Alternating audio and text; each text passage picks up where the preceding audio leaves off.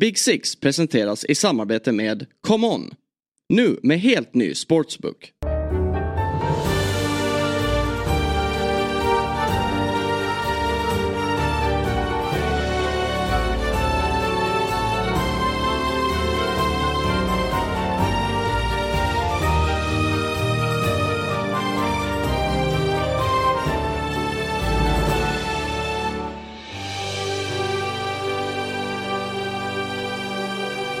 Då hälsar vi er hjärtligt välkomna till ett nytt avsnitt av Big Six. Det är torsdagen den 28 december och vi kommer med ett extra insatt avsnitt för det var ju tanken som så för mig och Björn att vi skulle ta lite ledigt kring julen här. Men eh, eftersom det har spelats så mycket högintressant fotboll och att eh, ja, man blir lite trött på den här ledigheten så kände vi Björn att eh, vi ville prata av oss och då gör vi det såklart med en mick framför oss och den här gången då på distans vilket ni eh, får ha lite överseende med då, att ljudet kanske inte är lika krispigt och bra som när vi sitter i studion. Men, men eh, till att börja med då så vill jag väl bara säga god fortsättning till alla våra lyssnare och till dig Björn. Tack så mycket. God fortsättning Jesper. Äh, det är som du säger, det är, vi skulle väl ta ett litet break, men det är väl så när man spelar in podd att eh, man, man, eh, man, känner ju också att så här, äh, men nu när det är sån intensiv eh, period också för Premier League så att vi, eh, vi kan liksom inte bara köra ett eh, så här långt break. Vi måste snacka av oss. Dessutom har det varit väldigt mycket eh, intressanta matcher och det händer mycket i Premier League hela tiden så att eh, vi kände att det var dags att sätta på mickarna och, och köra helt enkelt. Ja, ja, men verkligen så. Och fokus kommer väl vara på, på omgången som vi befinner oss mitt i då. Det är väl eh, omgång eh, 19 där vi har matcher ikväll också mellan eh, Brighton och Spurs samt Arsenal West Ham då, London Derby på Emirates. Men vi får väl någonstans ändå börja med tycker jag matchen som eh, spelades i helgen eh, som ingick i eh, omgång eh, 18 blir det väl, nämligen seriefinalen, toppmötet mellan Liverpool och Arsenal där man delade poängen 1-1 och, och, det kändes väl efter den här holmgången eh, som ganska rättvis. Men vilken fantastisk fotbollsmatch det var. Ja, det var, det var en väldigt eh, rolig, rolig match att följa och eh, vi har ju pratat om ett Arsenal som ju har varit eh, försiktiga kanske är fel ord, men lite mer kontrollerande och, och, inte lika mycket fart framåt. Men i den här matchen så tyckte jag båda lagen bjöd upp. Eh, jag vet inte om det var som att Arsenal ryckte med i eh, Anfield-stämningen som ju faktiskt från tvn lät som att det var faktiskt ganska bra tryck. Eh, det är många som har varit, eh, och vi också väl, eh, lite kritiska mot eh, den trötta stämningen på Anfield den senaste tiden. Men här var det bra drag och det är klart att när lagen bjuder upp till en sån här match så, så vore det ju konstigt annars. Ehm, men jag håller verkligen med. Det var, det, var en, eh, det var en jäkligt rolig match och det smällde ju till direkt efter bara 3-4 minuter när eh, Gabriel eh, knoppar in ledningsmålet för Arsenal eh, i, på, på, på frisparken där. Och jag hade en liten känsla inför att eh, jag, jag, tror nog att, eh, eh alltså att Arsenal har nog goda chanser att faktiskt vinna den här matchen. Ehm, men, men också att vi kanske pratade om det också, att eh, nog eh, skakar de här lagen hand på, på att ta ett kryss i, i ett sådant här möte och så, och så blev det ju också. Ja, ja men precis och det var ju två ganska så Ja, men lyriska tränare efteråt, de berömde ju varandra och sa att det här var en riktigt bra fotbollsmatch med, med hög intensitet och hög kvalitet. Och man, man ser ju det, här är två av världens absolut bästa lag och för de som har tvivlat, nu har ju liksom som hösten har utvecklat sig så, så eh, pekar ju allting på att de här två lagen kommer vara med hela vägen och utmana.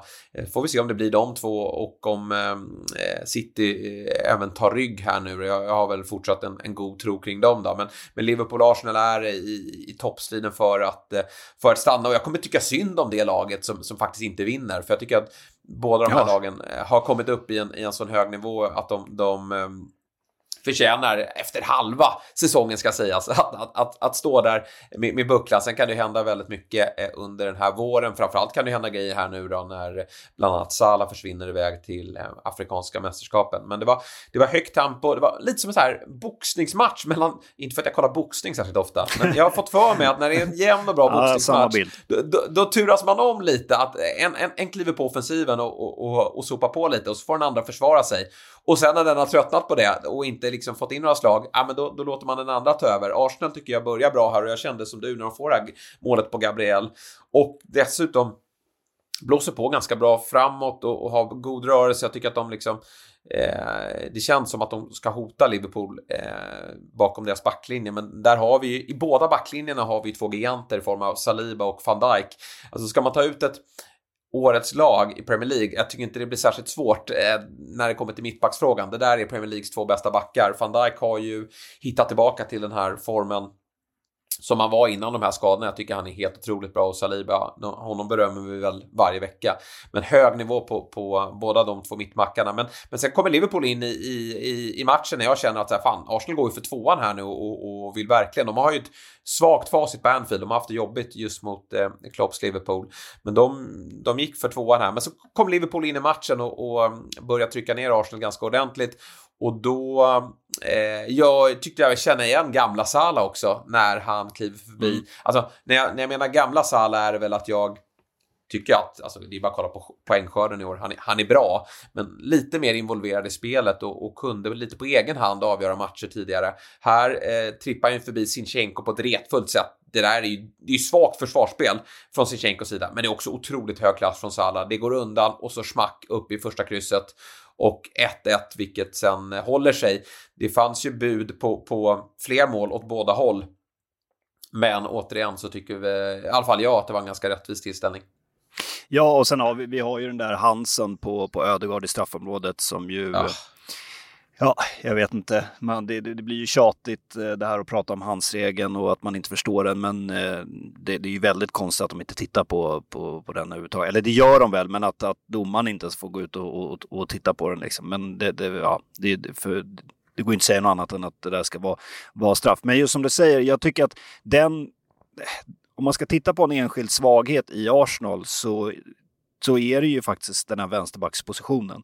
Sinchenko är ju offensivt väldigt bra. Han kom ju in i, i ett Arsenal när man byggde om tillsammans med Gabriel Jesus från ett Manchester City som, har, eh, vunnit, som hade vunnit eh, eh ligan. Eh, då var det väl två eh, säsonger på raken, i alla fall vunnit titlar och, och allt vad, vad City har gjort. Men hans defensiv eh, har ju stora brister och som du säger, det är klart att Salah, när han får det där, när han får den där fina bollen och vänder upp, det är väl, det är väl inte så många vänsterbackar som kanske kan hänga med där en mot en i det där utsatta läget. Men jag tycker Sinchenko ganska ofta går bort sig och jag tycker ändå att han är bland de svagare på planen här i en match som i övrigt är väldigt, väldigt bra. Men, men där tycker jag att Arsenal har ett litet problem eh, på, på vänsterbacksplatsen faktiskt. Ja, jag tycker så här. En, en, annan som brukar få kritik för sin defensiv, det har ju varit Trent Alexander-Arnold genom åren. Men, men, han har alltid, förutom, ja, kanske, nu, nu är han inte tillbaka, men han hade en period här där han var lite svag offensivt. Men, men han mm. har ju alltid burit upp det hela med att vara så fruktansvärt bra offensivt. Så jag har haft överseende med att det, det får väl vara lite brister bakåt. Sinchenko, han är inte tillräckligt bra offensiv. Nej när han är så här svag defensivt. Så att han, han måste steppa upp lite grann här. Men eh, ja, eh, han, han, är ju ändå en, en, en, nyttig och bra spelare. Men det, om, om det ska vara perfektion i ett lag så kanske det är en position att förstärka. Men eh, ja, eh, 1-1 som sagt och ehm, Liverpool följde upp det här senare med en seger mot Burnley. Den kan vi komma till alldeles strax. Men vi kliver väl på matchen som inledde den senaste omgången. Ehm, det var ju nämligen då Newcastle mot Nottingham Forest, en otroligt underhållande match får jag säga här i tisdags eh, strax efter lunch. Och där vi väl någonstans får sätta en ganska, ja, men en ganska ordentlig krisstämpel på Newcastle för stunden va?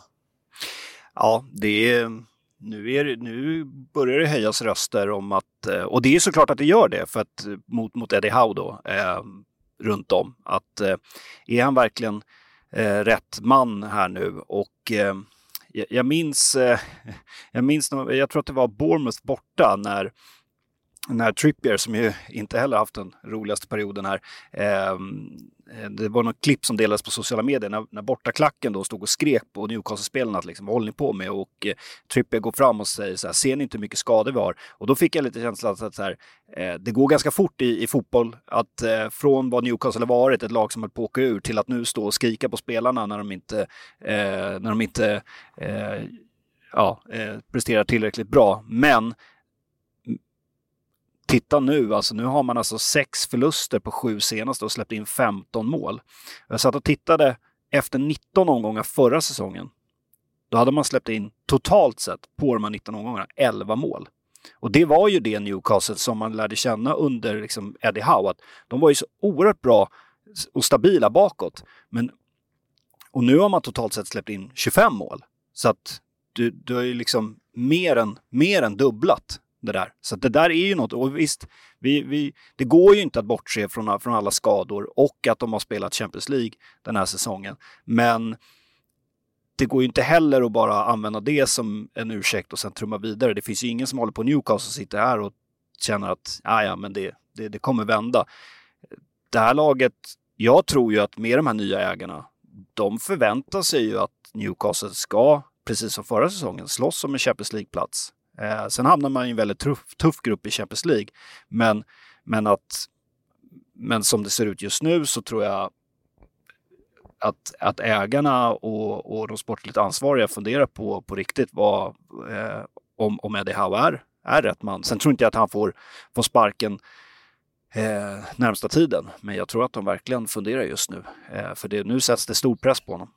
Ja, men så är det verkligen. Det, han har gjort ett fantastiskt jobb. Ändå sitter han nu faktiskt och är, är lite småpressad. Men det är ju för att kraven har höjts ganska avsevärt då. Med, eh, det gick lite snabbt i fjol med den här Champions League-platsen och, och sen fortsätter man ju rusta såklart här i, i somras. Så jag räknar med att man kommer att värva vidare här i, i januari. Men, men just nu är det inte mycket som stämmer och, och det är ganska, den här förlusten är ju alarmerande för någonstans har ändå hemmaspelet på St. James' ändå varit stabilt. Man, man har haft ett, eh, ett bra försvarsspel och, och den här typen av matcher har man ju faktiskt alltid vunnit i känslan. Ehm, eh, sedan Eddie Howe eh, tog över.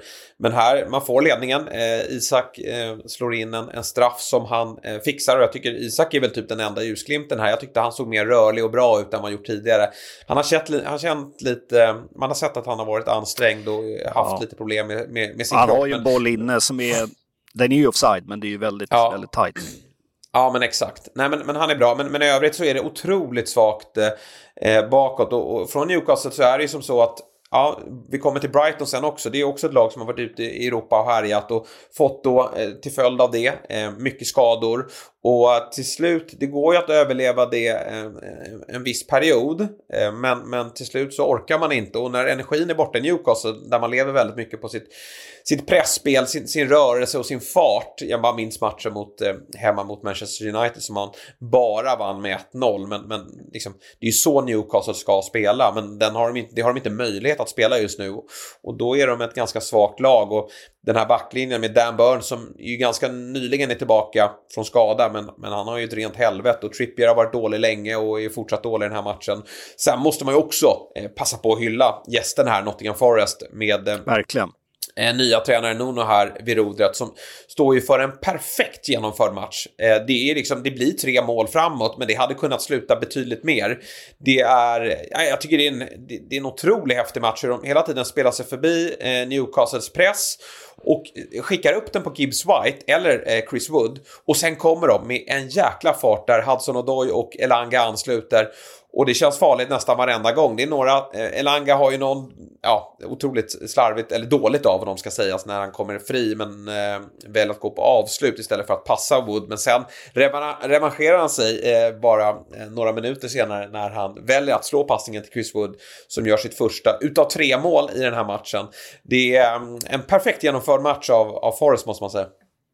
Ja, och det är ju häftigt med Chris Wood här som möter sitt, sitt gamla lag. Och han gjorde alltså bara fyra mål på, eh, på två säsonger. Eh, 35 matcher. Nu har han gjort sju mål på 17 matcher för, för Nottingham. Och, eh, vi, vi kommer ju till det senare kanske, men det är, det är häftigt med alla de här anfallarna som man eh, Vissa har man räknat bort och vissa räknar man inte med alls eh, och aldrig gjort och, och som, som bara levererar. Eh, och, och, samtidigt, alltså vår svensk Elanga, det måste ju vara nu är vi ju halvvägs in på den här säsongen. Det måste ju vara så här långt en av de bästa värvningarna en, en mindre klubb gjort den här säsongen. Om vi bortser från de här eh, större klubbarna och kanske mer tittar mot botten. För det, det, är ju fortfarande, Nottingham är ju, även om jag inte tror att de kommer åka ur för, på grund av att nykomlingen är så svaga, så och de gjorde ju tränarbyte här för, för, att, eh, för att de känner ändå att det, det, det inte har varit tillräckligt bra. Så, så om man tittar på de här eh, lagen som man kanske förväntar sig ska vara med i, alltså under halvan, så tycker jag nog att Oster Elanga var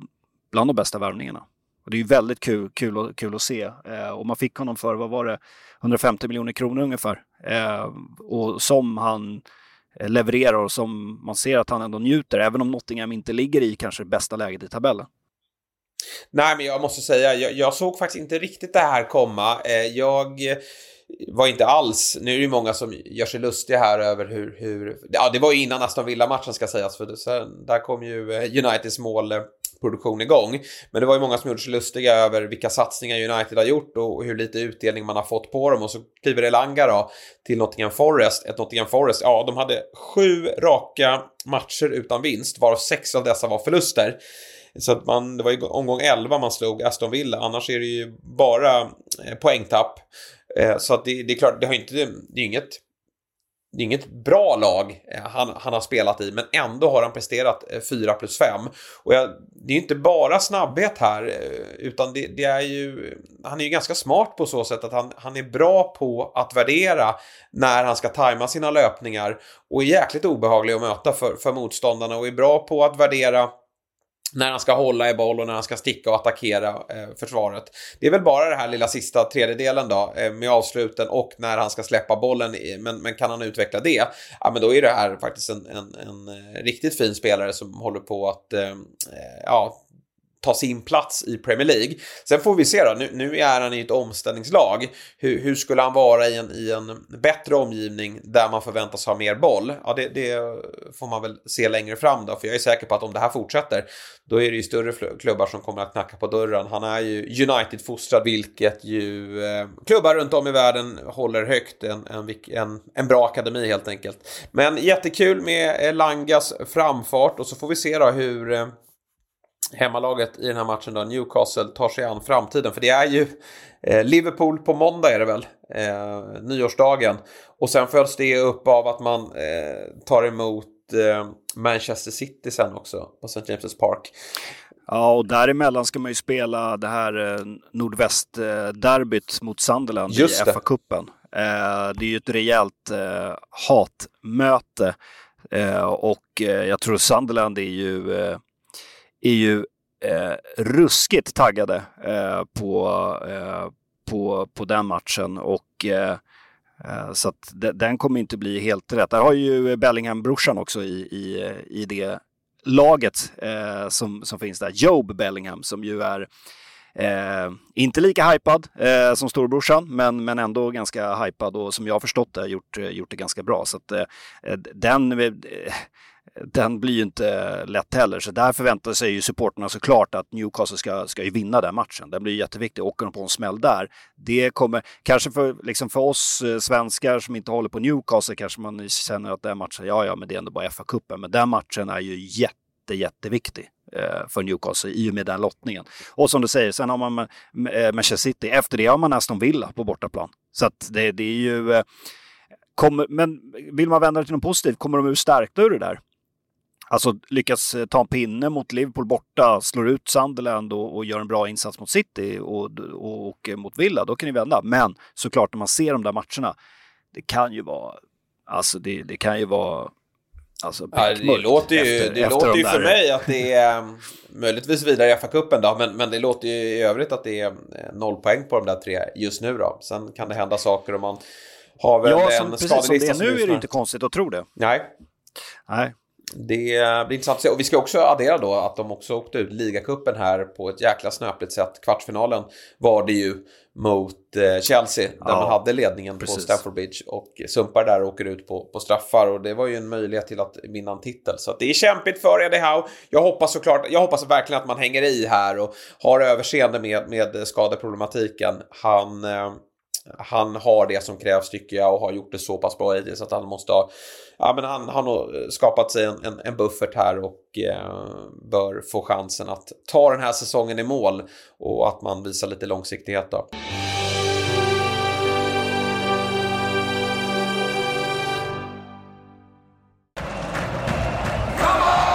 Den är här nu.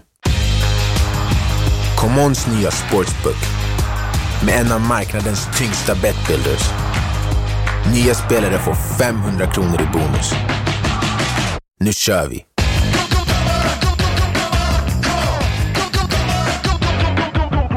plus. Regler och villkor gäller. Ett poddtips från Podplay. I podden Något Kaiko garanterar östgötarna Brutti och jag, Davva, dig en stor dos skratt. Där följer jag pladask för köttätandet igen. Man är lite som en jävla vampyr. Man har fått lite blodsmak och då måste man ha mer. Udda spaningar, fängslande anekdoter och en och annan arg rant. Jag måste ha mitt kaffe på morgonen för annars är jag ingen trevlig människa. Då är du ingen trevlig människa, punkt. Något kajko, hör du på podplay. Därför är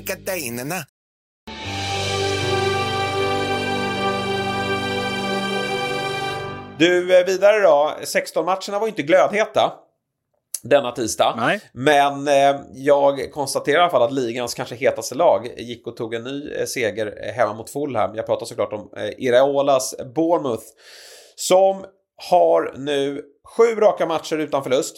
Sex av dessa är segrar och det var ju innan dess då så var det en förlust på Etihad 6-1 borta mot Manchester City. Och då trodde väl kanske många att nu eh, ruttnar ledningen här på Iraola. Det blev inte så bra som man hade tänkt sig. Man fick krypa till korset.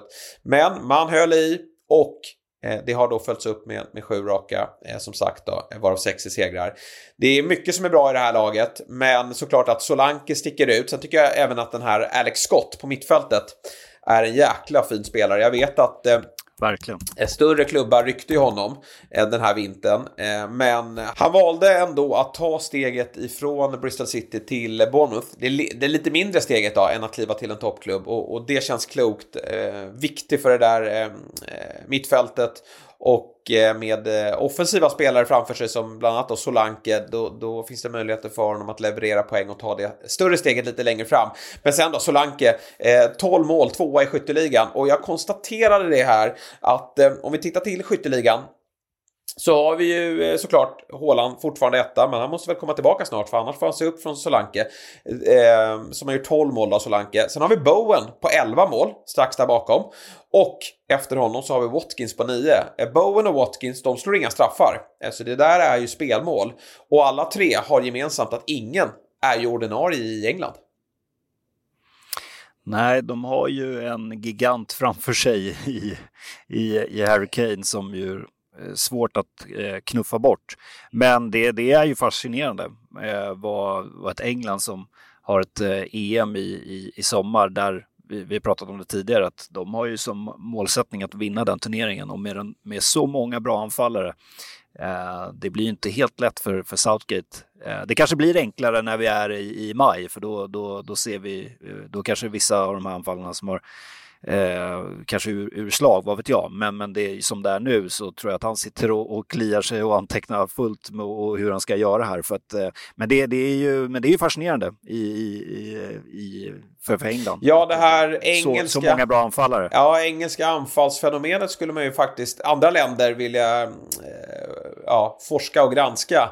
Med tanke på att vi har då Harry Kane, de här jag nämnde. Sen så finns ju Callum Wilson där också som, som alltid har levererat. Ivan Tony är, är strax tillbaka. Vi har... Eh, eh, vad har vi mer? Vi har... Eh, Ja, vi har ju tidigare... Calvert Lewin, var, precis. Det var honom jag tänkte komma in på. Nu, men... Det var Calvert Lewin jag tänkte eh, komma in på. Mm. Han är inte het för, för dagen, han har ju haft otroligt mycket skador, men, men det är annars en, en anfallare som har ju varit uppe för eh, diskussioner när det kommer till det, det engelska landslaget. Han har ju varit med några gånger och, och varit bakom Harry Kane. Så det, det, är eh, imponerande och de har ju verkligen spelare att kunna förändra matchbilder. Då. Alla kommer ju inte, det är ju Kane som är där framme, sen skulle man kanske kunna få in ytterligare någon då bredvid honom eller framför honom. Men eh, jag har ju svårt att se Southgate göra de förändringarna. Tänk om de hade kunnat få fram lika bra mittbackar som eh, de eh, just nu då får fram anfallare. Men det där, det där svänger ju. Det var ju en tid förut då där man bara hade Wayne Rooney och så hade man svårt att hitta något, ja, något bra alternativ bredvid honom. Men just nu är man väldigt skickliga på mm. att få fram just eh, strikers då. Men häftigt med Bournemouth som är ju uppe på, på säker mark och siktar säkert högre än så. Och eh, har ju Spurs här till helgen och, och där får de verkligen se upp med eh, och gubbarna. Ja, och eh, jag får väl göra så Jesper. Du vet, ibland så eh, eh, har man ju vissa profetior och man, man eh, tänker vissa saker om lag på förhand och så vissa kan ju vara så att de ska eh, stånga sig envist mot väggen och säga att liksom, nej, men jag står kvar vid det. Men jag, jag får ju eh, käka upp min dumstrut här. Jag trodde ju att Iraola eh, skulle få sparketid. Jag, jag trodde inte alls på... Du var nära. Jag hade väldigt mycket frågor. Ja, det, det, det, var kanske nära, men jag hade, jag hade ju liksom mina frågetecken kring den här värvningen. Alltså man gjorde sig av med, med, med Gary Neal som ju fortsatt gör ett bra jobb nu i, nu i, i Wolves då. Och så tog man in den här 41-årige Andoni Iraola. Eh, en ung spanjor som kom från Rayo Vallecano och ska ta över ett Bournemouth i en liga som han inte har varit i tidigare. En ung tränare eh, i ett Bournemouth som ju eh, på förhand ändå var en kandidat enligt många att eh, liksom på ett negativt sätt och kanske inte kunna klara sig kvar i Premier League och då satsa på den här unge oprövade spanjoren. Men det har ju så här långt visat sig vara ett väldigt, väldigt lyckat drag. Eh, så att jag får, får checka upp min dumstrut för att eh, Ja, åka ur kommer de absolut inte göra den här säsongen. Nej, det kommer de inte göra. Men jag tycker ändå att det var nära. Men, men visar väl på ja. hur, hur, hur, bra det kan vara att vara långsiktig och, och, stå fast vid sin plan. Det blev ju bra för Gary Neal också. Vi kommer väl till Wolves sen lite senare. 4-1 seger igår mot Brentford. Men eh, Bournemouth ville ta nästa steg och det har de ju onekligen gjort just nu. Eh, vad det verkar med Iraola. Du eh, var ju också Eh, har ju varit tydlig med att eh, Erik Ten Hag inte tränar United 2024. Och jag måste säga mm. att jag tror att du var väldigt nära här också. Eh, om vi tar oss till eh, den eh, häftigaste matchen den här omgången får jag nog säga. Där eh, Manchester United alltså... Undrar om de satt i paus och skrev, skrev liksom färdigt. De skickade liksom de här eh, juristerna och sportsligt ansvariga att skriva liksom, eh, avskedskontraktet i, i paus eh, på United Villa. Ja, men... De satt och bara, ja men det är bara att trycka på print efter 90 minuter. Ja, men jag, jag, kände lite så faktiskt, eh, speciellt då med tanke på målen man släpper till också, alltså på fasta situationer, hur rörigt det är och, och eh, ja, men förnedringen då, de förlorade ju matchen eh, dessförinnan då mot West Ham på bortaplan 2-0, kommer till den här fighten. Och Aston Villa är ett sånt här lag som United över tid, eller över tid alltid ska ha bakom sig. Men de har gjort en fantastiskt bra säsong, eh, men kommer här till Old Trafford och, och dikterar villkoren och går upp till en 2-0-ledning. Nej, då, då, kände jag nu får det nog räcka. Nu, nu, kan vi liksom inte prata om att, vi, att det inte funkar att sparka tränare längre och att han måste få tid och, och skylla på allt annat. Nej, nu, nu får faktiskt Erik Ten Hag bara flytta på sig. Men precis som mot Chelsea, efter det här 2-0 målet, då väljer United att blåsa på framåt. Det känns som att de släpper alla spärrar. Och det visar, alltså jag tycker det mycket visar på lagmoralen. Alltså det har ju pratats mycket om att Ten Hag har tappat omklädningsrummet. Jag har ingen aning, jag har inte varit där. Men jag tycker att en sån typ av upphämtning och den prestationen man lyckas med i ett 0-2 underläge. det är väldigt lätt att det blir gamnacke där och att man någonstans bara känner uppgivenhet över, över Aston Villas eh, ja, men liksom, otroliga rörelse och, och, och sprudlande offensiv och känna att vi, vi, vi räcker inte till här. Vi, vi, vi orkar inte med den här typen av motstånd. Men istället då så um, tar United över matchen och eh, jag måste också säga att jag tycker att Aston Villa de måste kunna ha lite flera, lite flera matchplaner, olika typer av matchplaner. Det är ju faktiskt horribelt eh, det här försvarsspelet man, man bedriver resten av matchen och att man inte kan täppa igen och, och spela lite mer på res resultat, falla lite lägre utan det är ju eh, hur eh, många hål som helst i den där backlinjen för Garnacho och Rashford och, och sen även Höjlund att eh, ta sig igenom. Så det är lite besviken på Aston Villa, men, men ingenting ska eh, tas ifrån Uniteds eh, imponerande upphämtning och insats. Eh, riktigt, riktigt bra. Ja, verkligen. Nej, men om jag tar vid där du pratar om Aston Villa så det är ju Unai Emerys svaghet och de blottar sig ju väldigt mycket defensivt. Alltså hade United bara varit skickligare på att inte springa offside i första halvlek och, och på att avsluta så hade det kunnat stå 2-2 i, i, i, paus redan. Eh, och att, att de fortsätter göra det dessutom mot United som ju det vi vet om United de senaste säsongerna det är ju att de är ju väldigt kontringsstarka. Ja. Eh, och, och, Rashford inte minst. Nu han hade ju några lägen, han, just nu så sitter inte avsluten riktigt klockrent men, men eh, där är ju faktiskt United giftiga och det, det är lite märkligt att man, man tar sådana här eh, enorma eh, risker. Så att, nej, men jag håller med dig. Det, det visar ju som du säger på en stark lagmoral att United faktiskt inte viker ner sig och det, det, är nog väldigt skönt. Man märkte ju på det, man såg intervjuerna med Garnacho och Höjlund, att Garnacho pratar om det. Det är så många som snackar om oss, att vi, eh, vi är dåliga på allting och vi, vi inte har lagmoral och allt det här. Här visar vi verkligen ja. att vi, vi, vi har det. Sen är det fascinerande med Ten Hag. Jag tycker att allt det här påminner ju lite om hur det var med Ola Gunnar Solskär. Det är liksom... Ja. Nio liv. De, de, de, ja, nio liv. Eh, vi minns Ole Gunnar Solskjaer och slog ut PSG och, och, allt, allt vad det var. Och, eh, och sen går det och gör dåliga matcher och så är det fram och tillbaka. Och samma sak med Ole Gunnar Solskjaer så var det det här snacket som där med Ten Hag, att det finns ingen spelidé och, och, och allt där. Så det, det, är svårt att veta vad det här ska, ska ta vägen. Eh, eh med, med, med United. Men, men det, Garnacho, om vi går till honom, han är ju lite av en ex-spelare faktiskt för United. Kanske inte någon som kommer bidra med så mycket assist. Han vill ju göra målen själv. Men han har ju en jäkla avslutsförmåga och, och fin teknik eh, eh, överlag. Och sen såklart då så att, att Höjlund får göra sitt första Premier League-mål. Vi vet ju att han har gjort det, jag tror att det är fem mål i Champions League, men inget i PL såg ju ut som att han grät faktiskt. Ja, han, jag har aldrig äh, sett en äh, så mer lättad fotbollsspelare faktiskt. Eh, här kan har... vi snacka om en, en ung dansk, man kan bara förstå vilken press det har varit på honom. Och är fortfarande såklart. Ja, och, och, och det här virala som har gått runt med den här sångaren som har... Eh, Sean Millis, Sean ja. Millis som har skrivit... Det är man ju nästan, det är man ju faktiskt nästan, det är det skönaste med det här. Ja. Eh, att, att man slipper, slipper det där jävla klippet med det där Waiting on a miracle. Ja, verkligen.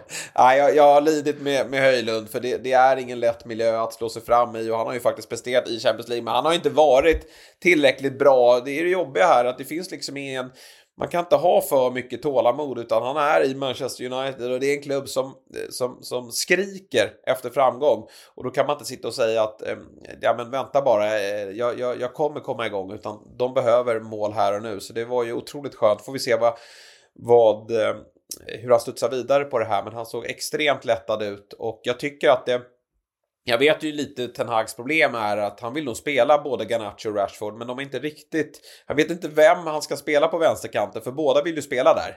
Och uh, jag tyckte att det funkade väldigt bra här nu när uh, Rashford var mycket bättre än tidigare. Det här var ju en av hans bättre Absolut. matcher. Och uh, han såg, såg någonstans glad ut igen och, och hade ryggen rak och, och trodde på sig själv. Det har han ju inte gjort sedan ja, sedan våren egentligen. Och så Garnacho då, som du är inne på, har ju verkligen X-faktorn och eh, han är ju faktiskt bara 19 bast så att det där kan ju bli väldigt bra. Äntligen fick man eh, slippa se Anthony springa runt där med trollkonster längs sidlinjen utan här var det två spelare som, som var spetsiga, ville framåt och hotade ju eh, Aston Villas eh, sorgliga backlinje för dagen.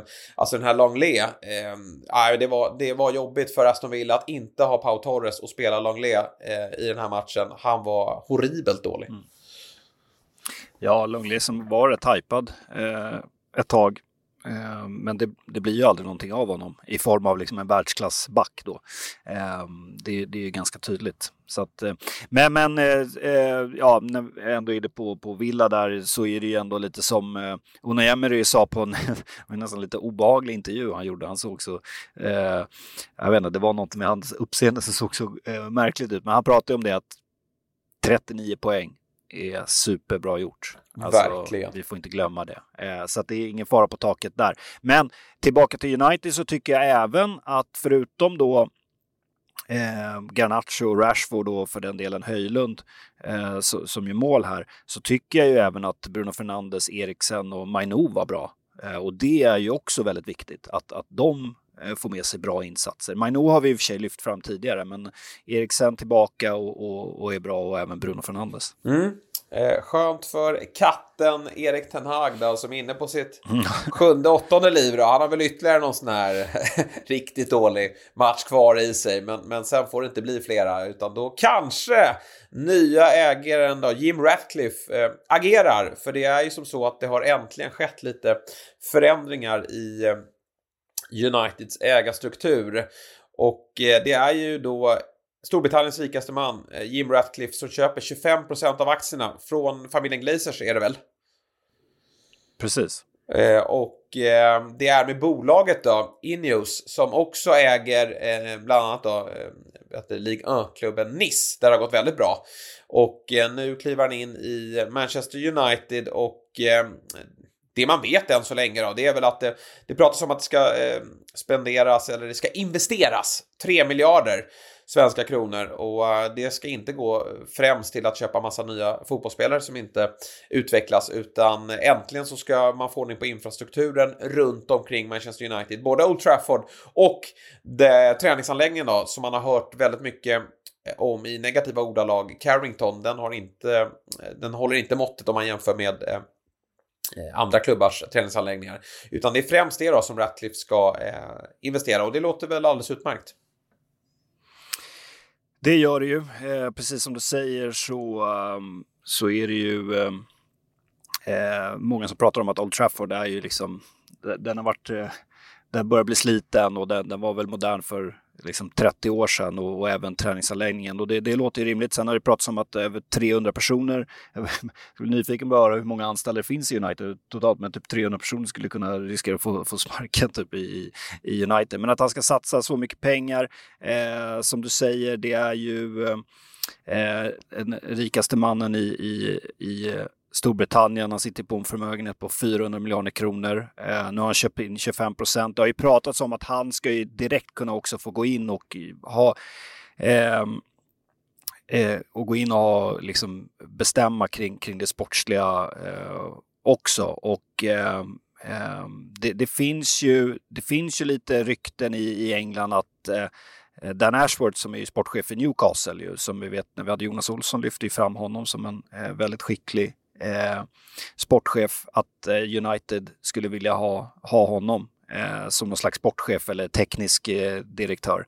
Eh, så att eh, det eh, det blir väldigt spännande att följa här, men det, så det har varit en bra vecka. Men som du säger, han har ju till exempel då köpte ju franska klubben Nice 2019. De har ju den unga superhypade italienska tränaren Francesco Farioli som är bara 34 år, som gör succé. De ligger ju just nu tvåa i franska ligan, fem poäng bakom eh, PSG. Och det finns ju faktiskt rykten om att eh, deras, eh, en mittback eh, som Jean-Claire Turibo skulle vara aktuell eh, för United, att han åtminstone finns på, på deras radar. Och Radcliffe var ju faktiskt intresserad. Han är ju United var ju faktiskt inte första Premier League-klubben han hade ögonen på. Han var ju faktiskt intresserad av att köpa Chelsea 2022 när Abramovic fick släppa klubben på grund av sanktionerna mot, mot Ryssland i och med kriget i Ukraina.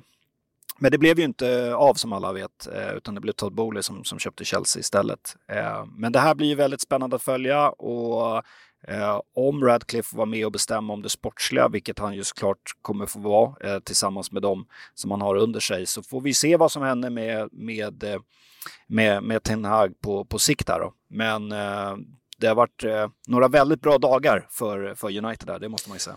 Ja, men det känns så. Jag tror att det här är positivt för klubben. Men det är nog viktigt att hitta eh, rätt sportchef här. Ashworth har gjort det bra i Brighton Newcastle. Jag såg någon som sa att slog ner det, att det är omöjligt att han lämnar Newcastle nu. Men, men det är ju den kalibern de behöver få in någon så att de får rätt eh, träff på värvningarna framöver. Det, nu kommer ju mycket av pengarna som kommer in här nu då, de här 3 miljarderna, det ska ju som sagt in, investeras i infrastrukturen. Men för den sakens skull, jag tror också att det kommer hända saker i spelartruppen, både på in och utsidan. Och eh, en annan spelare som jag såg det pratas om är ju eh, vår svenske Viktor Gyökeres som ju definitivt har ögonen på sig från inte bara Manchester United. Jag tror att det är väldigt många klubbar som följer honom med tanke på hans framfart i, i Sporting i Lissabon. Eh, så att det är... Ehm, det lär hända saker i Manchester United. Men eh, till att börja med då kanske få bort lite gammalt dödkött som inte levererar här nu.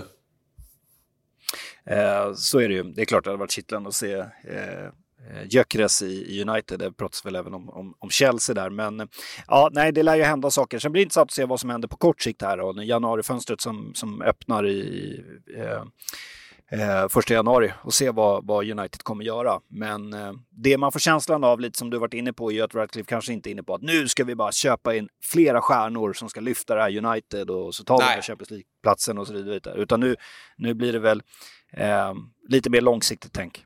Ja, jag tror det. Ta den här säsongen i mål, eh, göra lite justeringar nu i januari på att bli av med spelare och kanske då få plats för nya och sen så får man väl, eh, har man lärt klubben, lärt känna klubben här under våren så får vi se vad som händer i, eh, i sommar då.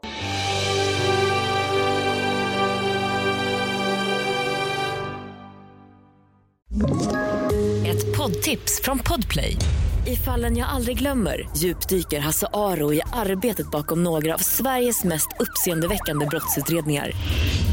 Går vi in med hemlig telefonavlyssning och, och då upplever vi att vi får en total förändring av hans beteende. Vad är det som händer nu? Vem är det som läcker?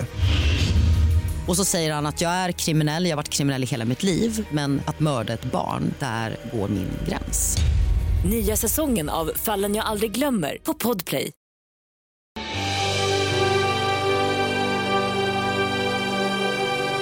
Du, Burnley-Liverpool slutade till slut 0-2. Det var en ganska öppen historia. Alltså Liverpool har ju klart flest lägen och vinner ju fullt, fullt rättvist. Men när det bara står 1-0 där, eh, Darwin Nunez som stod för ett riktigt klassmål, det är när han inte behöver tänka som det rasslar till i, i nätet. Men det blir ju ändå lite läskigt och, och Burnley till skillnad från övriga nykomlingar är ju ett, ett spelskickligt lag och som kan Eh, ja, i långa stunder faktiskt eh, trycka ner eh, även motståndare som Liverpool.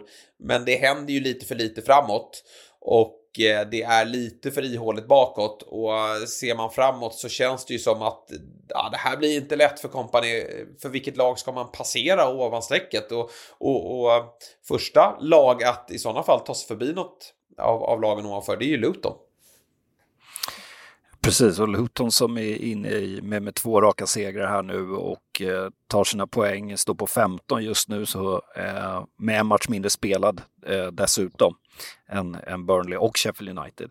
Sheffield United har vi väl räknat bort, men jag börjar nästan liksom att det där strecket, jag tror att när vi är mot vårkanten så är det inte bottenstriden som kommer vara snackisen utan det kommer vara toppstriden. Jag tror att ja. den här bottenstriden kommer vara ganska avgjord eh, faktiskt. Eh, redan när vi börjar ticka mot 30 omgångar eller något sånt där.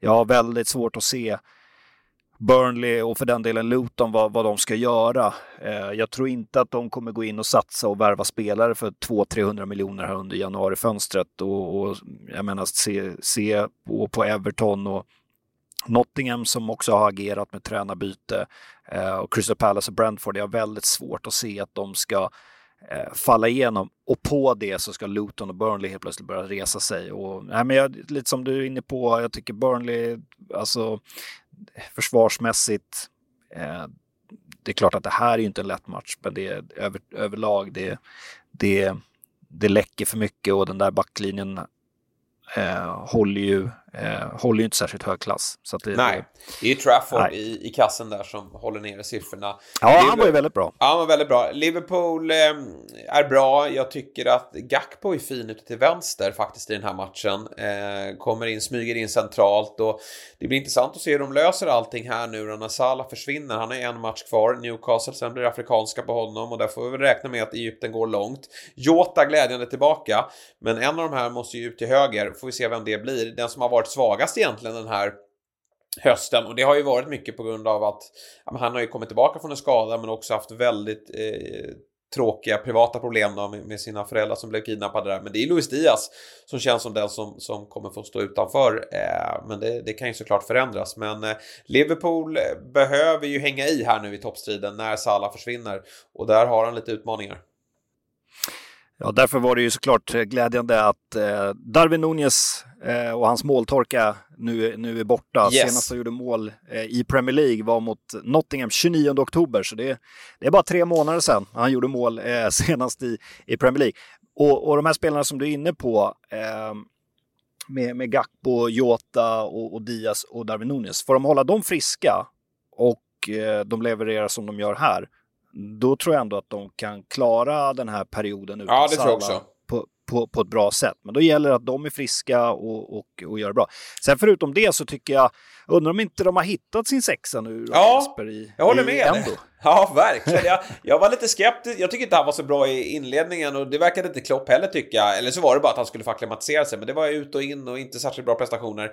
Men han börjar bli ett riktigt eh, bra rivjärn där inne och, och bidrar även offensivt. Ja, exakt. Så att, eh, han, han, såg fin ut. Sen ska man ju också göra de där insatserna mot, eh, mot, eh, mot topplagen. Och, och, förutom det så är det ju häftigt att se den här unge mittbacken, Jarell Kwanza, eh, Kwanza som, som är född 2003. Eh, och kanske är han Liverpools nya stjärnskott på, på mittbackspositionen. Jag tycker han är liksom brytningssäker, bra timing, snabb. Han är ju rätt lång också. Sen har han ganska fina fötter och kan driva med bollen. Sen ska jag göra det över tid och fortsätta hålla den här nivån och vara liksom, eh, konstant eh, på, på hög nivå. Och, eh, det är ju alltid ett frågetecken med, med unga spelare, men att få ha van Dijk bredvid sig, det är ju ganska tacksamt. Så att, eh, han ska bli väldigt spännande att följa och se om han får, fortsatt får, får förtroende här av Klopp. Ja, det är en ganska fin skola att gå i bredvid eh, van Dijk faktiskt. Det måste kännas ganska eh, tryggt och bra. Och Alisson bakom sig. Liksom. Rinner mm. någon igenom då, då kommer ju monstret att hoppa fram och eh, plockar sina frilägen som man alltid gör. Det jag tycker att Liverpool är lite oroväckande för Liverpool det är ju vänsterbacksplatsen. Alltså Gomes är ju en bra spelare men det är ingen vänsterback. Och, och mm. Klopps Liverpool, det, det ska gärna vara två kanter som, som sköljer över motståndarna. Och även om eh, Tsimikas inte är lika bra som Robertson så har han gjort det rätt bra där ute till vänster tycker jag. Framförallt offensivt så det eh, hade varit eh, bra om Andy Robertson kommer tillbaka här eh, under januari, vilket det pratas om.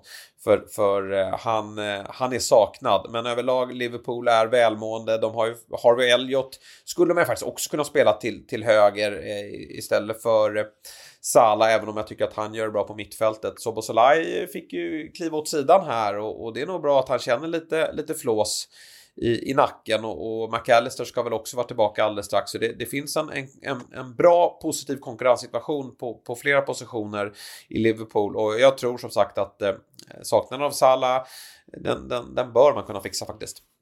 Ja, exakt. När du är inne på vänsterbackar där, det är ju kanske lite, alltså något som de tre eh, titellagen får vi väl ändå kalla dem, City, Arsenal och Liverpool har gemensamt, det är väl just eh, så här, vänsterbackspositionen ja. är ett litet frågetecken, lite svaghetstecken. Och, men det är klart att eh, när Liverpool får tillbaka Robertson så, eh, så blir det något helt annat. Mm. Ja, City brukar ju alltid gå bort sig på vänsterbacksvärvningen. Ja, Men eh, Nathan Ake tycker jag ändå gör, gör det ganska bra. Även om han är lite, har en liten annan eh, position än en renodlad vänsterback då. Men ett City eh, som i alla fall är tillbaka på vinnarspåret och precis som Manchester United visar man ju upp en en, en lagmoral här, men också tycker jag, alltså när man vänder underläget 1-0 borta mot Everton på Goodison Park, det är ingen lätt uppgift i det läget där City befinner sig. Men jag tycker att man kliver ju inte ut och gör det bara på någon form av energi och frenesi utan man spelar riktigt bra fotboll i den andra halvleken och, och uh, till slut blir det rättvist 3-1 då. Ja, nästan glömt bort City här med tanke på att de har varit borta på klubblags-VM eh, och, och sådär. Och eh, nu, nu var de tillbaka och det har ju varit mycket, det har ju varit en del frågetecken mot, mot City på, med deras form och sådär och, och, och, Pep eh, har ju fått stå och svara på det att så här, ja men glöm bort oss ni, men eh, ni vet vad vi har gjort tidigare, ni vet hur starka vi är. Eh, och eh, som du säger, Goodison Park nu, Everton, det Sean Dyche gör med det här laget eh, med sin tydlighet och Vissa menar ju på att det är en ganska primitiv fotboll, och, eh, men den är väldigt tydlig för spelarna och han har också fått laget att jobba stenhårt hela tiden och det tycker jag man ser i den här matchen också. Och City tycker jag hade ganska svårt att nöta ner Everton första halvlek. Sen lyckades ja. de ju bättre i, i andra och med, med, med det här laget som eh, kryllar av, av världsstjärnor. Det är fascinerande att se att Bernardo Silva fortfarande är en, är en nyckelspelare och det är en spelare som tror att två senaste sommarfönstren har varit på väg, men Pep och Pep har sagt att är det någon som inte vill vara här så är, då är dörren öppen. Ja. Gå. Men, men, men, inte Bernardo Silva. Honom släpper Nej. jag aldrig. Så att, eh, och det, och det förstår jag med tanke på att man faktiskt också tappade Gündogan i, i sommar, eller lät han gå och, eh, och, och med Kevin De Bruyne skadad, det såg han kanske inte framför sig, men det, det visade sig vara extra viktigt då med, med Bernardo Silva. Och Kevin De Bruyne har vi sett träna också borta i, i Saudiarabien var det va? Med klubblags-VM, så att eh, han är ju på väg tillbaka och eh, ja, eh, skönt för City att visa att eh, det är ingen som har räknat bort City såklart, självklart inte. Men med tanke på att de här andra lagen, Liverpool, Arsenal och för den delen även Aston Villa, även om de förlorade och tappade poäng i de två senaste matcherna nu, finns med där uppe, så, så är det ju stresstestas ju City lite här. Ja men förlust här, alltså då eh, känner man ju absolut inget som hade varit kört, men då, då, hade det börjat kännas jobbigt med tanke på hur att det är inte bara ett lag man ska passera i toppen, utan det är ju faktiskt två lag, ja, tre då om vi tar med Villa, men det, det så är inte känslan att de ska vara med hela vägen till. 38 omgången i maj. Men två starka lag i form av Liverpool och Arsenal måste City passera och, och då hade gapet känts lite väl eh, stort. Men, men riktigt stark seger att vända på det här. Everton som sagt bättre i... i nej men jag tycker så här, City kommer ju ut bra, har ju mängder av lägen. Hade de haft Håland på plan där så kanske man tar ledningen och, och, så, och så säkrar man den här segern. Istället då gör ju Everton 1-0 och börjar liksom ta över och, och får matchen dit de vill och City får inte, får inte igång sitt spel. John Stones kliver ut skadad. Eh, mm. Otroligt frustrerande för, för City för han är väldigt viktig för, för det där laget och, och ser väl ut att bli borta en tid. Eh, och kliva in i halvtidsvila med, med, med det i ryggen, det var nog inte helt lätt men, men en riktigt eh, bra andra halvlek och nu är Sheffield United här på lördag, en, en skrattmatch får man ju säga. Och City släpper ju inga spelare till Eh, afrikanska eller asiatiska mästerskapen. Så att eh, det här blir ett jäkla race. Ett lag som inte kommer vara med i det racet, det är Chelsea. Nej, eh, det, det, det, är det verkligen inte. Eh, och Eh, där, jag vet att vi har ju pratat om det, alla har pratat om det och den här ojämnheten som Chelsea, Chelsea har och nu har även Pochettino pratat om det och han har även gått ut och, och eh, det är alltid lite oroväckande där en tränare går ut och attackerar sina egna spelare. Han pratade om det, att han fick väl någon fråga inför någon presskonferens här, att vissa spelare ser liksom eh, besvikna ut och han pratar om att liksom, titta liksom hur bra betalt de har. Be besvikna, jag är besviken. Alltså Chelsea-supporterna är besvikna. Ni ska ut och leverera. Så sluta sitt och gnäll över att ni inte får spela. Och det, ja, men, ibland brukar man, jag säger absolut inte, jag tror inte Pochettino kommer få sparken, inte det jag säger, men tidigare när, spel, när tränare hängt löst, vi har sett det tidigare, liksom Mourinho och många andra, när de börjar prata illa om spelarna, när de släpper liksom att skydda spelarna, då kan det vara dåligt tecken. Det tror jag inte här. Men försvarsspelet och, och eh, koncentrationer i försvarsspel har varit problem. Det var det även här också tycker jag. Alltså vi, när Palace gör, gör sitt mål så Caicedo och Colwill släpper ju Olise fullständigt. Eh, och, sådär. och jag tycker väl att om vi nu går in på Chelsea, att det var väl kanske ingen övertygande seger här. Nu får man ju eh, den här straffen sent, men eh, man har ju faktiskt, speciellt i andra halvlek, man har ju svårt att skapa chanser. Eh, eh, trots att då Eh, Nkunku är tillbaka och jag tycker att han visar att han är, nu fick han 70 minuter ungefär, att han är en nyttig uppspelspunkt. Man fick inte så mycket att jobba med. Eh, jag tycker de ser lite lättlästa och tröga ut och det är inte så många som löper för att skapa ytor eller sätta motståndaren i jobbiga situationer. Så att eh, det här var ju en skön, skön seger såklart mot Palace, men eh, den var inte särskilt övertygande. Nej, det hade ju absolut eh, varit kanske mer rättvist med 1-1 då eh, i den här matchen. Jag tycker Pallas gör en, en bra bortamatch. Jag måste lyfta fram Olise och Esse i, i Pallas. De har ju inte fått spela så mycket ihop för båda haft, i, i år, för de har båda haft skadeproblem. Men det är ju faktiskt två klassspelare som jag tror att eh, bättre engelska lag kommer att eh, eh, försöka få in till sin verksamhet, eh, kanske inte nu i januari, men, men i sommar då. Men för de, de visar i klassen och kan de få lite kontinuitet här nu och spela ihop, då, då kommer Crystal Palace bli ganska jobbig att möta. I, i Chelsea då, jag håller med dig, det, det, det ser liksom inte ser inte ut som att de har någon riktig idé framåt, har ju visserligen några spelare borta och sen så är det väldigt mycket slarv bakåt också. Eh, många i den där backlinjen som jag har svårt att förstå om de, varför de spelar i Chelsea. Men en jag vill lyfta fram, det är ju eh, kommentatorn Axel Olsson som har gästat oss, eh, säger Gusto. Mm. Och det är nog rätt, men jag kör Gusto. Ja. Det, det, det blir lätt alltså. Eh, och eh, Gusto är ju helt otroligt bra i den här matchen tycker jag. Vilken, Ja, alltså, väl- Chelsea och högerbackar, ja han är helt överlägsen. Han är överallt eh, till att börja med. Jag menar bara kolla på målet och lappar han över på vänsterkanten. Han är ju högerback här, men, men han är mm, bra offensivt, eh, fin fot, men också väldigt bra i, i, i duellspel och, och positionsspel bakåt. Och ja, men är han så här bra? Reece James, eh, ja, han kommer väl aldrig tillbaka i känslan med alla de här, skadorna, men, men han är inte särskilt saknad och, och de får ju försöka hitta en plats för båda. Ja, det, det nästan måste de ju göra. Då kanske de kan sätta Gusto på vänsterkanten då, för jag tycker inte Colwell är, som sagt, Nej, de- defensivt. eh, nu är vi på vänsterbackarna här nu i det här avsnittet. Men, Ja. men eh, han, eh, nej, jag vet inte, ett tag var i början, i början på matchen var ju som ett rundmärke där borta. Så att, det är väl kanske...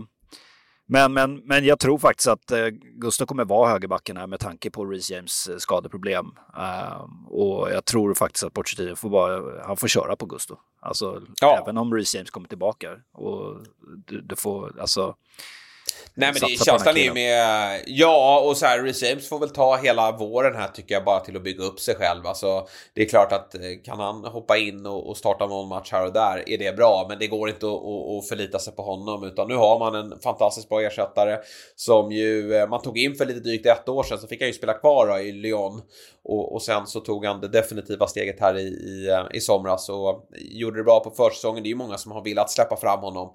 Men så fick ju han skadeproblem också. Men nu är han hel och, och det här var ju en, en riktigt bra insats från, från hans sida. Så det, det måste kännas skönt för Chelsea. Men i övrigt måste det bli bättre. Cole Palmer är ju tillbaka, Raheem Sterling är tillbaka här mot Luton borta. Och det, ja, det får ju bara, måste ju bara bli tre poäng även om det blir svintufft. Luton är ju väldigt starka på hemmaplan och tog en viktig seger här mot Sheffield. Så det är ingen lätt uppgift men, men det får vara slut nu med poängtapp. Det var nära ett igår men eh, några fler sådana har man faktiskt inte råd med. Det spelas matcher ikväll också Björn och det är två riktigt trevliga fighter får jag ju säga. Brighton som lider av eh, Europasjukan, mängder utav skador. Jag förstår inte riktigt hur de ska få ihop lag, men eh, det måste de. Eh, och de möter ju ett annat lag som har det jobbigt med, med sina skador, nämligen Tottenham. Och där är det senaste att Romero, på tal om att aldrig få kontinuitet, antingen är han avstängd eller så är han skadad och, och nu är han det sistnämnda då eh, i en månad och det är en rejäl smäll. Det är det ju och eh, det är väl inte helt otänkbart att eh, Tottenham eh, letar efter en, en mittback här i, i januarifönstret. Nej. De, de måste ju ha täckning där. Romero är jätteviktig men, men som du säger med de här skaderapporterna så eh, behöver de ju nog agera faktiskt.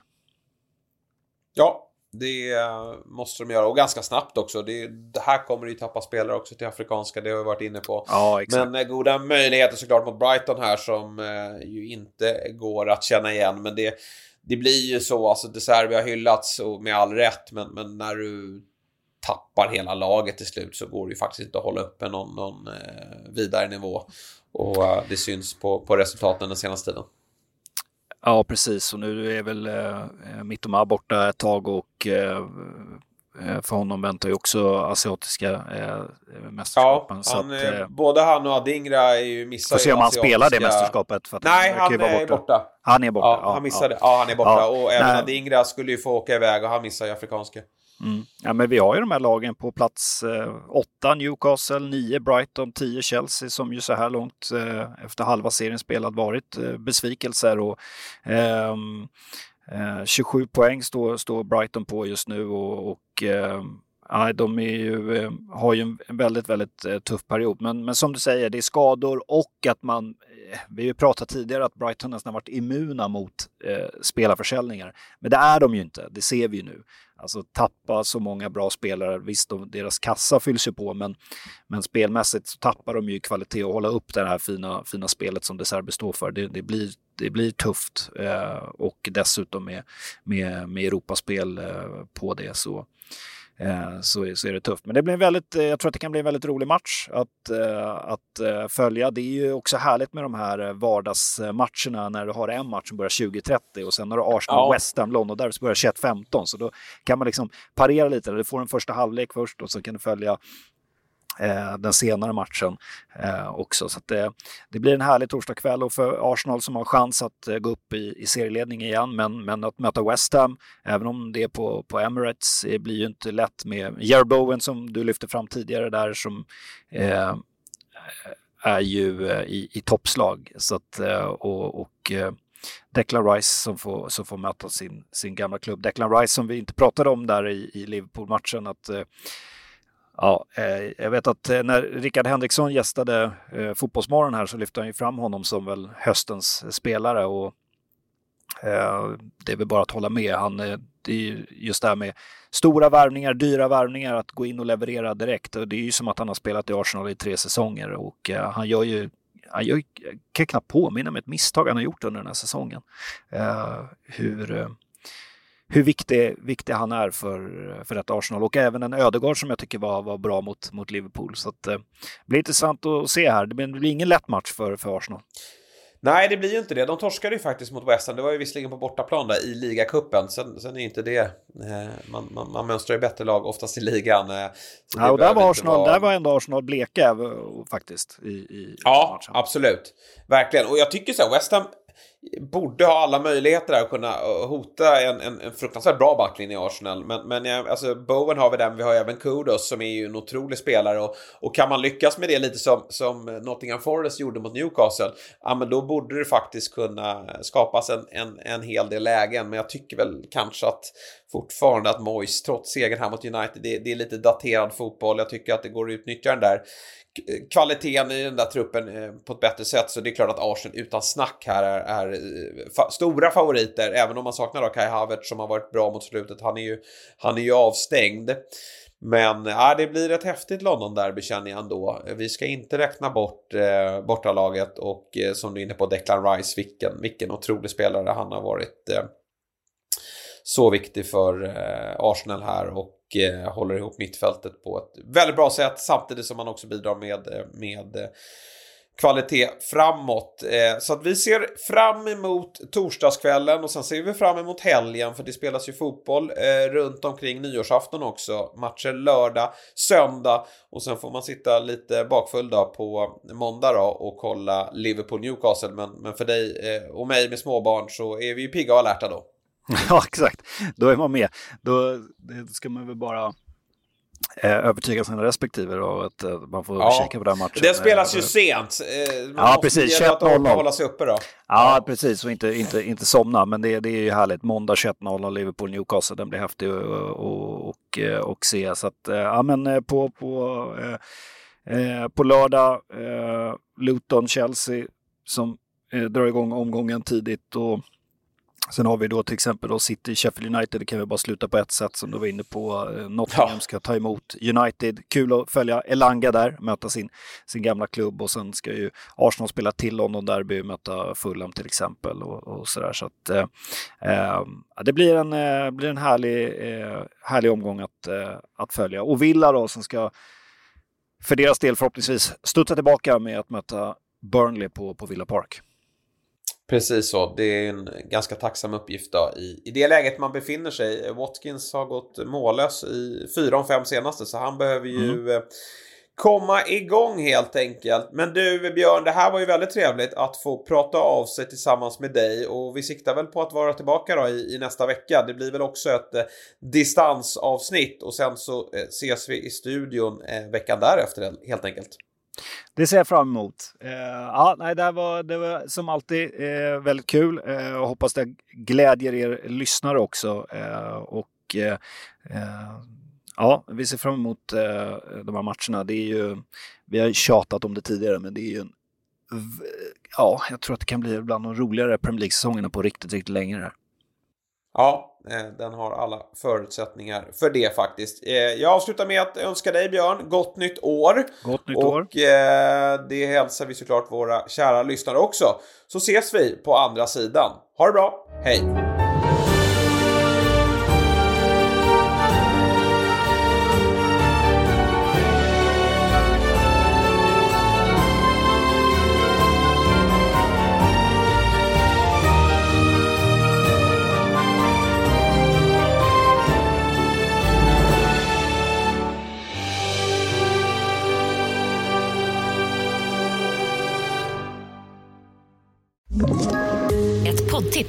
Podplay. I podden Något Kaiko garanterar östgötarna Brutti och jag, Davva, dig en stor dos skratt.